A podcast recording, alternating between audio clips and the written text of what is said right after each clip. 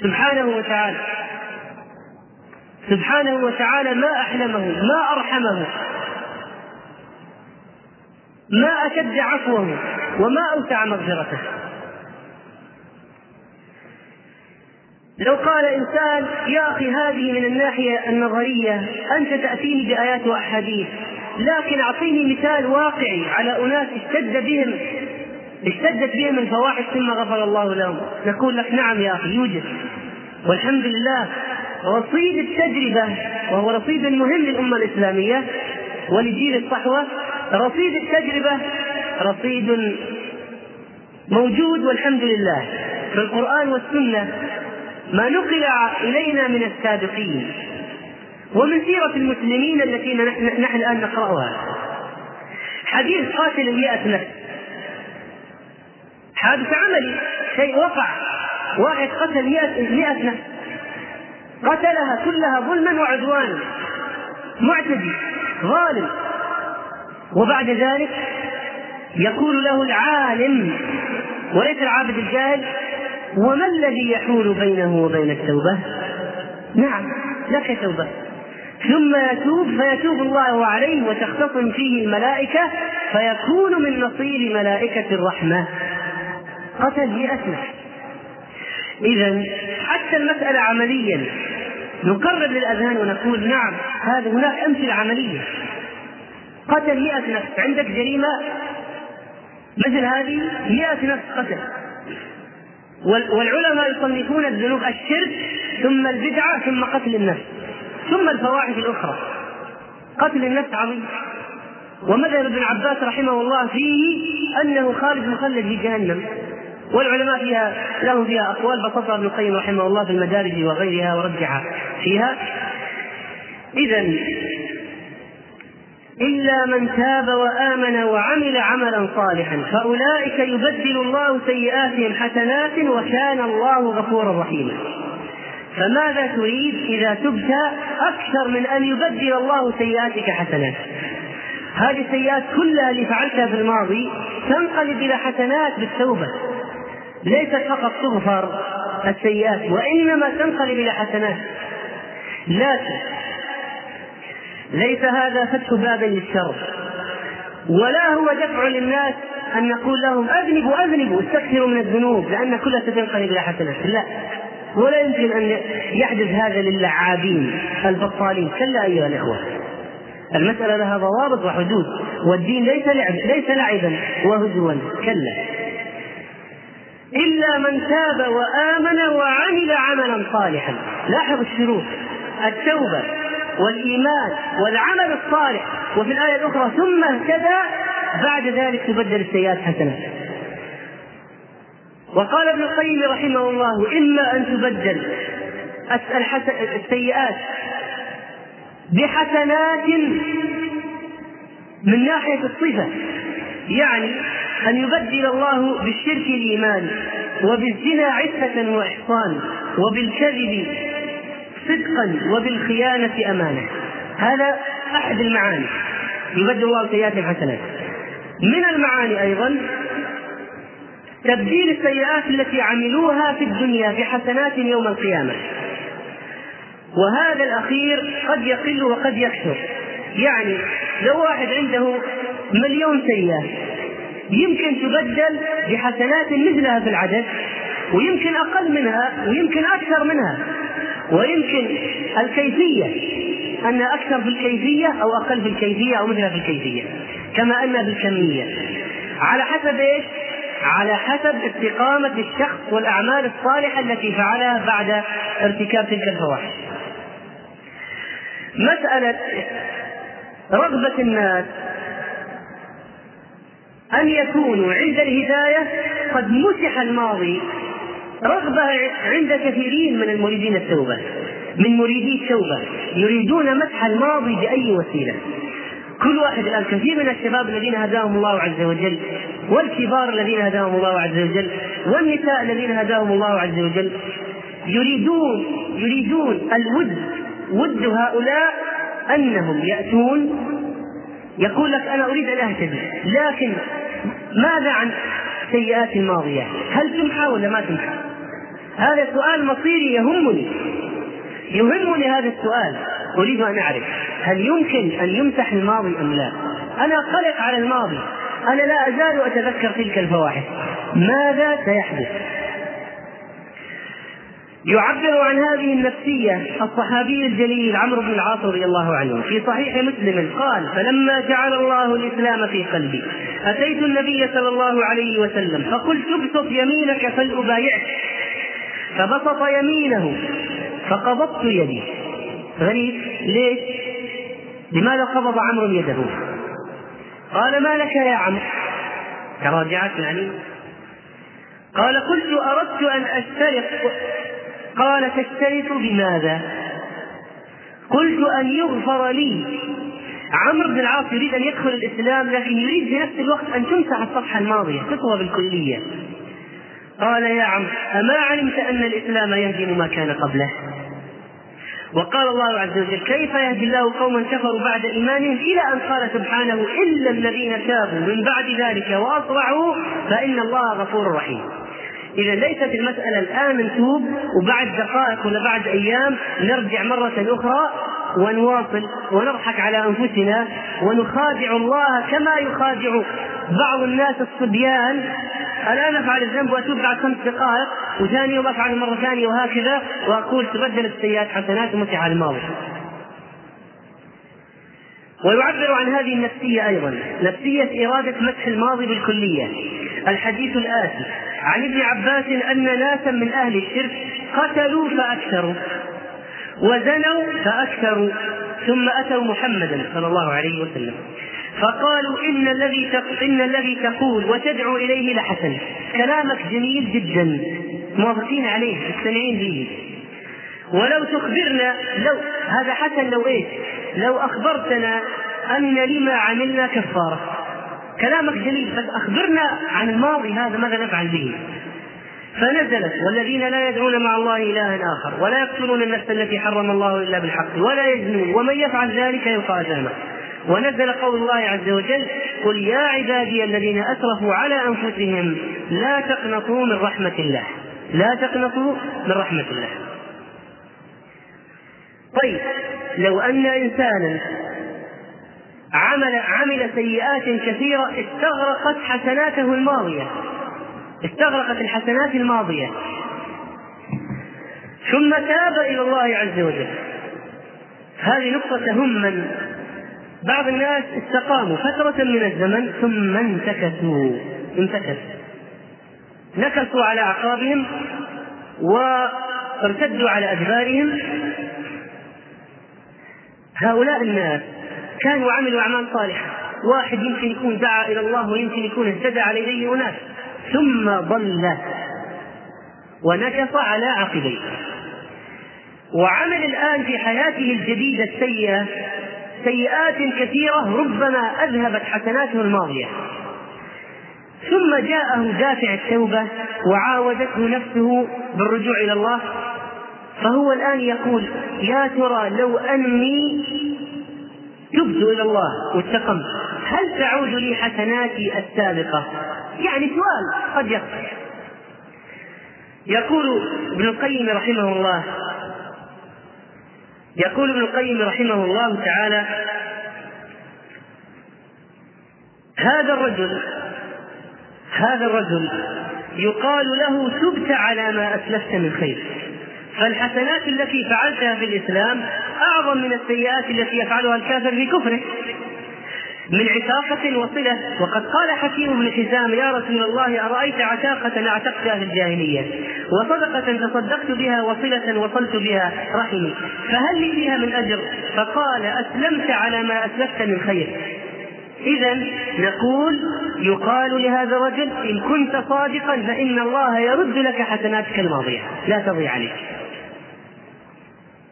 لو واحد قال هذا على مستوى المشركين وعمرو بن العاص كان مشرك وهذول الصحابة كانوا قبل أن يسلموا أشركوا أنا أريد يعني أنا حصلت لي معصية الآن. كيف ممكن أبدل؟ قال البخاري رحمه الله وساق بإسناده إلى ابن مسعود أن رجلا أصاب من امرأة قبلة. واحد من الصحابة الصحابة بشر طبعا يعني يجب أن لا ننسى هذا الأمر. الصحابة بشر. هذا الصحابي قبل امرأة أجنبية. فأتى النبي صلى الله عليه وسلم فأخبره فأنزل الله. وأقم الصلاة طرفي النهار وزلفا من الليل. إن الحسنات يذهبن السيئات. فقال الرجل ألي هذا يا رسول الله؟ هذه بس الصحابي فرح. قال لجميع أمتي كلهم. وروى الإمام أحمد ومسلم قصة هذا الرجل عن ابن مسعود قال جاء رجل إلى النبي صلى الله عليه وسلم فقال يا رسول الله إني وجدت امرأة في بستان لوحدها ففعلت بها كل شيء. ففعلت بها كل شيء. غير أني لم أجامعها. قبلتها ولزمتها يقول قبلتها ولزمتها لكني ما جامعتها. ولم أفعل غير ذلك فافعل بي ما شئت. شوف نفسية الإنسان عندما يأتي سائل يقول يا رسول الله عملت كذا وكذا وكذا لكن ما هذا أنا بين يديك أفعل بي ما شئت. في تحس فعلا أسلوب الصدق في التوبة. يقول افعل بي ما شئت. أنا يا, رسول الله بين يديك. افعل بي ما شئت. فلم يقل رسول الله صلى الله عليه وسلم شيئا. فذهب الرجل. فقال عمر لقد ستر الله عليه لو ستر نفسه. فأتبعه رسول الله صلى الله عليه وسلم بصره ثم قال ردوه عليه. فردوه عليه فقرأ عليه. أقم الصلاة طرفي النهار وزلفا من الليل. إن الحسنات يذهبن السيئات. فقال معاذ يا رسول الله أله وحده؟ أم للناس كافة؟ فقال بل للناس كافة. وهذا الحديث أيضا له طريق آخر عند ابن جرير لا نذكره لخشية الإطالة في هذا النقطة بالذات ولكن المقصود أنك أن المسلم مهما كان مستقيما مهما كان قد تلقى من التربية يمكن أن يقع في يوم من الأيام في فاحشة. لو وقع ماذا يفعل؟ إن الحسنات يذهبن السيئات بس مسألة بسيطة إن الحسنات يذهبن السيئات. لكن ليس معنى هذا الكلام أن كل واحد الآن يذهب ويفعل ما يشاء ثم يقول أنا سأعمل بعد ذلك. ولذلك ما هو الخطأ في توبة؟ إخوة يوسف. عندما عملوا العمل في البداية من يخبرني؟ من يخبرني؟ ما هو الخطأ في سيرة إخوة يوسف عندما ألقوا في الجب نعم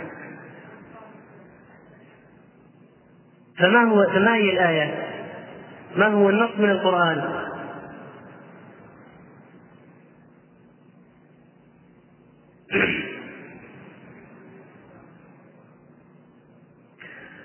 اقتلوا يوسف أو اطرحوه أرضا يخل لكم وجه أبيكم هذا طيب بعد ما سوي الجريمة الآن قبل فعل الجريمة انتبهوا يا جماعة نقطة مهمة جدا اقتلوا يوسف. أو اطرحوه أرضا. لتصلوا النتيجة يخل لكم وجه أبيكم ماذا قالوا بعدها؟ ماذا قالوا؟ ماذا قالوا؟ وتكونوا من بعده قوما صالحين. فأضمروا التوبة قبل إيقاع الذنب هذه عقلية موجودة عند بعض الناس. مثل إخوة يوسف قالوا الآن نموته نقضي عليه ونقتله ونرميه في الجب وبعد ذلك نكون قوما صالحين وترجع الأمور ونرجع للاستقامة وكل شيء طيب. بعض الناس عندهم هذه النفسية يقول هذه الصيفية أنا أذهب إلى البلد الفلاني أفسق وأفجر وأفعل وأفعل وبعد ذلك أرجع وأروح مكة وأسوي عمرة. لذلك بعض خط سير بعض الناس السفر عجيب. بانكوك مدري إيش مكة. كيف؟ ليه يعني كيف؟ أو العكس يقول الآن بسوي حسنات واجد كثيرة. وبعدين بعض الناس عجيبين جدا في الموضوع. يذهب إلى مكة والحرم ويحجز هناك ويجلس في مكة ويحجز حجين في الطائرة. واحد يوم ثلاثين واحد يوم واحد شوال لو كان آه، رمضان 29 يوم. يعني لو الأحد 29 رمضان يحجز الاثنين والثلاثاء يحجز مثلا على بانكوك تصور لو كان لو كان رمضان 29 يوم الأحد بكرة واحد شوال اذا راح على حد أي واحد؟ الأول اللي هو يوم الاثنين لأن واحد شوال صار العيد. عيدنا وانتهت الطاعات لو طلع رمضان 30 يوم على حد مضبط نفسه. ضامنها هذه هذا الكلام يعني هذا اللي يقول لك من هو المستخف من الشخص الجالس التوبة ليش؟ لماذا هذه الازدواجية؟ لأن الناس ما لم تتربى التربية الصحيحة ولا تلقت المف... لا يمكن واحد تربى التربية الإسلامية الصحيحة يفعل هذا العمل، يضحك على مين يعني؟ طيب ما هو موقع المذنب في المجتمع المسلم؟ سؤال مهم جدا. واحد أذنب وصاح الآن وقع في المعصية. ما هو دور ما هو دور أو ما هو موقع المذنب في المجتمع المسلم؟ كيف ينظر إلى من تاب أرجو من الاخوان الجالسين أن يسجلوا مسألة توزيع الأوراق إلى نهاية المحاضرة. ما هو موقع المذنب في المجتمع المسلم؟ عن أبي هريرة رضي الله عنه. هذا الآن يا جماعة كلام مهم بالذات للدعاء إلى الله. ما هو الموقف من المذنب؟ واحد أذنب. واحد في الوسط هذا أذنب. ما هو موقفنا منه؟ كيف نعامله؟ كيف نواجهه؟ بأي وجه نتلقاه؟ عن أبي هريرة رضي الله عنه قال أتي النبي صلى الله عليه وسلم برجل قد شرب. فقال اضربوه. اضربوه بالحج قال أبو هريرة فمنا الضارب بيده ومنا الضارب بنعله ومنا الضارب بثوبه. فلما انصرف قال بعض القوم اخجاك الله. بعض المسلمين قالوا لهذا شارب الخمر الذي يقيم عليه الحج أخزاك الله. فقال رسول الله صلى الله عليه وسلم لا تقولوا هكذا لا تعينوا عليه الشيطان. هذه مسألة مهمة. يجب أن نكون يكون موقفنا تجاه المذنب. عندما يقام عليه الحج أو عندما يأخذ جزاءه أو عندما تصح توبته. وفعلا يستقيم ما نقول وهذه فعلة فعلت سود الله وجهك وهذا عمل أخزاك الله تفعله وهذا كذا. هذا العمل ما الذي يفعل في النفس؟ نفس المذنب. خلاص يرى أن الناس كلهم ينظرون إليه بالمظهر الأسود طيب تبت أنا وقيم عليه الحد وظهرت لكن أخزاك الله. فإذا ينظر من الوسط يمشي لا يمكن يجلس. ونعين عليه الشيطان. إذا مراعاة شعور التائب إذا حصل إذا صلح حاله. نقطة هامة. مراعاة شعور التائب إذا حصل إذا صلح حاله. المرأة التي قطعت يدها المرأة المخزومية. هذا طريق من طرق حديث هذه المرأة شأن هذه المرأة فيه فائدة مهمة. طبعا سرقت المرأة المخزومية وأراد الرسول صلى الله عليه وسلم أن يقطع يدها والناس كلموا أسامة أن يستشفع فيها يشفع عند الرسول صلى الله عليه وسلم فيها والرسول صلى الله عليه وسلم غضب وخطب خطبة مهمة. وقال القاعدة الإسلامية في هذا الموضوع وأمر بتلك المرأة التي سرقت فقطعت يدها. أمر بتلك المرأة التي سرقت فقطعت يدها. قالت عائشة رضي الله عنها الآن أسمع الكلام هذا. قالت عائشة رضي الله عنها فحسنت توبتها بعد. المرأة المخدومية هذه التي قطعت يدها حسنت توبتها بعد. وتزوجت وكانت تأتيني بعد ذلك. فأرفع حاجتها إلى رسول الله صلى الله عليه وسلم. شوف حسنت التوبة. فلما حسنت التوبة استقبل الصحابة المرأة هذه استقبالا حسنا. فوجدت مكانا في المجتمع المسلم. فصارت تأتي إلى عائشة تجلس عند عائشة تزوجت المرأة وصلح وصلح حالها. وعائشة طبعا ترفع أمرها للرسول صلى الله عليه وسلم. ترفع أمر المرأة المخزومية. إذا لولا أن المرأة وجدت مكانة في المجتمع. هل كانت تأتي وتطلب من عائشة تتحدث عندها؟ فإذا حسن استقبال الصحابة للتائب هذا يؤدي إلى أن يكون التائب لبنة صالحة في المجتمع. الآن خطأ بعض الدعاة إلى الله وبعض الناس أنهم يستقبلون التائب استقبالا سيئا. روح بعد كل الأعمال جاي الآن فيسبوك أطلع برا. لا مكان لك عندنا. ماذا يحدث عند الشخص؟ نفور وربما رجع وانتكس انتكاسة أشد من الأولى. من هو السبب؟ أنت السبب اللي نفرت.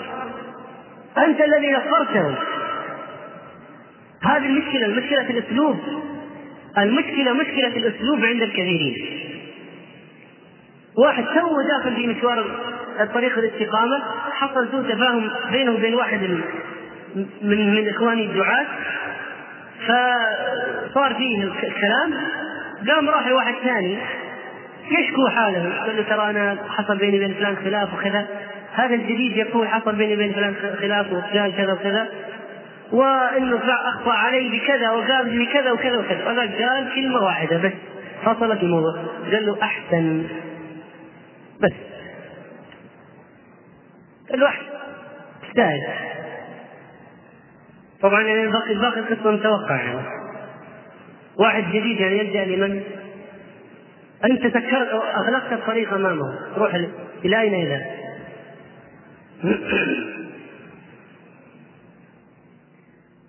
وحتى في الردة حتى في الردة في الحديث الصحيح عن ابن عباس قال كان رجل من الأنصار أسلم ثم ارتد ولحق بالشرك ثم تنجم فأرسل إلى قومه سألوا لي رسول الله صلى الله عليه وسلم هل لي من توبة؟ ندم مع أنه ارتد لكن ندم فجاء قومه إلى رسول الله صلى الله عليه وسلم فقالوا إن فلانا قد ندم وإنه أمرنا أن نسألك هل له من توبة؟ فنزلت إلا الذين تابوا وأصلحوا. كيف يهدي الله قوما كفروا بعد إيمانهم؟ إلا الذين تابوا وأصلحوا؟ هؤلاء الله عز وجل لهم غفور رحيم. حتى لو ارتد يرجع. واحد سافر إلى الخارج كان مسلم واعتنق الأفكار العلمانية ثم جاءنا كافرا. ثم بعد ذلك ارتاب قال يا جماعة أنا كنت في يوم من الأيام ملحد. هل لي من توبة؟ قل نعم يا أخي توبة. ما أحد يمنعك من التوبة. تعال. نعلمه ونرفق به ونتلقاه تلقيا حسنا فلا يلبث أن يكون داعية إلى الله. من المواقف أيضا للمذنب أننا إذا استطعنا أن نسامحه في شيء نسامحه فيه. لو كان واحد سرق من واحد ووصل الأمر وقبل أن يصل الأمر إلى القاضي أو الحاكم لو استطعت أن تسامحه فسامحته فهذا شيء طيب قبل أن يصل الأمر لو وصل ما هي فائدة؟ يبين ذلك الحديث الصحيح الاتي عن أبي ماجدة قال كنت قاعدا مع عبد الله بن مسعود فقال إني لأذكر أول رجل قطعه رسول الله صلى الله عليه وسلم. أتي بسارق فأمر بقطعه. فكأنما أسف وجه رسول الله صلى الله عليه وسلم بعد قطع اليد. فقال يا رسول الله كأنك كرهت قطعه. قال وما يمنعني. لا تكونوا عونا للشيطان على أخيكم. إنه لا ينبغي للإمام إذا انتهى إليه حد أن لا يقيمه. إن الله عفو يحب العفو. وليعفوا وليصفحوا ألا تحبون أن يغفر الله لكم؟ والله غفور رحيم. حديث حسن. السلسلة الصحيحة رقم أربعة. فإذا الرسول صلى الله عليه وسلم يحث يحث الصحابة. قال لو أنكم سامحتموه هذا قبل أن يصل أمره إليه كان طيب لكن ما دام وصل الأمر لا تنفع المسامحة بعد ذلك. ولا بد من إقامة الحد حتى لا يحصل التلاعب. ومن الأمور المهمة في موقفنا من المذنبين التائبين العائدين إلى الله قضية خطيرة يقع فيها البعض وهي تعييرهم بالذنب وتذكيرهم به فترة بعد فترة. وهذه المسألة التي تجعل كثيرا من الناس لا يتوبون. عندما يقول يرى الآن معاملة الناس الطيبين له تعيير بالذنب ليش أتوب؟ إن ألسنتهم لن ترحمني. لا إن هذه الألسنة لن ترحمني فلذلك لا يتوب وربما وربما تاب ولكنه عاش في الوسط محطما. ليش؟ لأن هؤلاء الذين من حوله لا يساعدونه على نسيان الماضي. هذه نقطة مهمة يا جماعة أرجو أن تنتبهوا إليها. الناس الذين من حوله لا يحاولون أن ينسى الماضي وإنما يذكرونه به مرة تلو الأخرى. ولذلك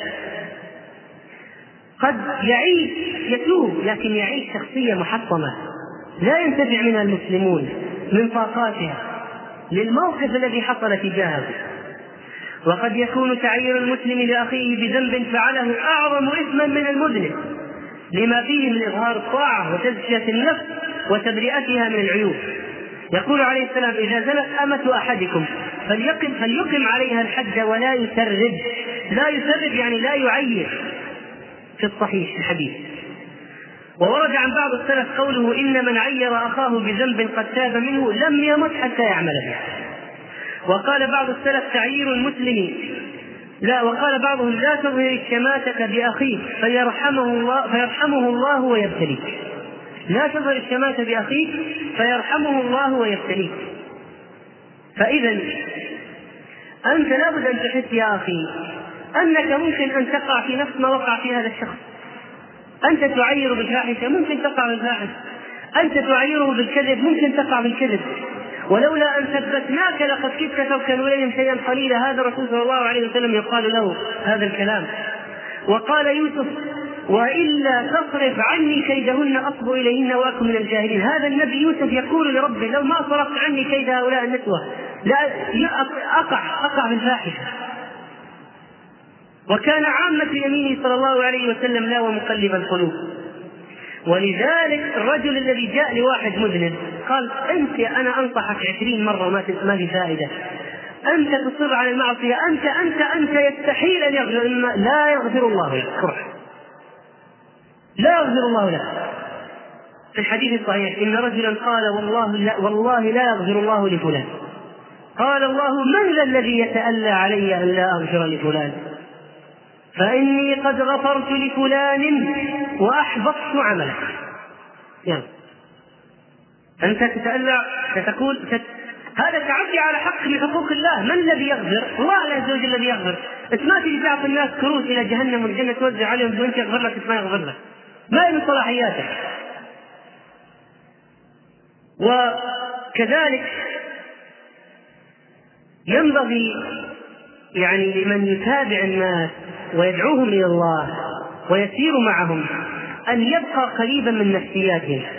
فإذا ما ارادوا التوبة وجدوا بجانبهم شخصا رحيما رفيقا يفتحون صدورهم له ويقولون له ماذا نفعل؟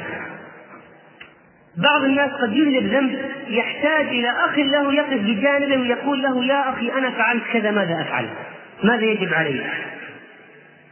بعض الناس لا يرتاح حتى يقول كل الذنب الذي فعله بالتفصيل هذه مسألة نفسية بعض الناس المذنبين لا يرتاح ما يستطيع أن يحكم المسألة بينه وبين نفسه تجعل تجده لابد أن يفشي, يفشي, يفشي هذا الأمر إلى واحد من المقربين إليه.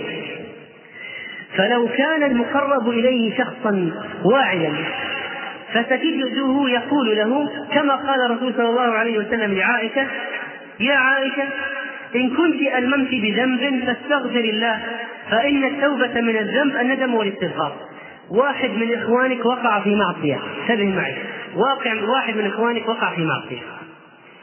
الآن هذا الرجل الذي وقع في المعصية يريد واحد يعني يفرج عن شيء الموضوع قد لا يستطيع لوحده. فأنت إذا أحسست أنه أخطأ وغالبا ما يظهر الخطأ عليه إذا كان إنسان صادق فإنه لا بد أن هذه المعصية توجب عنده نوع من تأنيب الضمير ونوع من التغير. فأنت إذا وجدت رجل تغير ممكن تأتي له وتقول يا أخي إن كنت ألممت بذنب فاستغفر الله فإن التوبة من الذنب الندم والاستغفار. قد يقول لك يفتح الموضوع ويقول يا أخي أنا وقعت في كذا أنا وقعت في فاحشة بدون تسمية. وأنت لا تدري ما هي درجة الفاحشة. مو لازم تقول لا لا تعال ما أحل لك المشكلة حتى تخبرني بالتفصيل ماذا فعلت وتعلمني من هي ومن هو وإيش اللي صار وإلى أي درجة مو صحيح؟ هذه مسألة بينه وبين الله.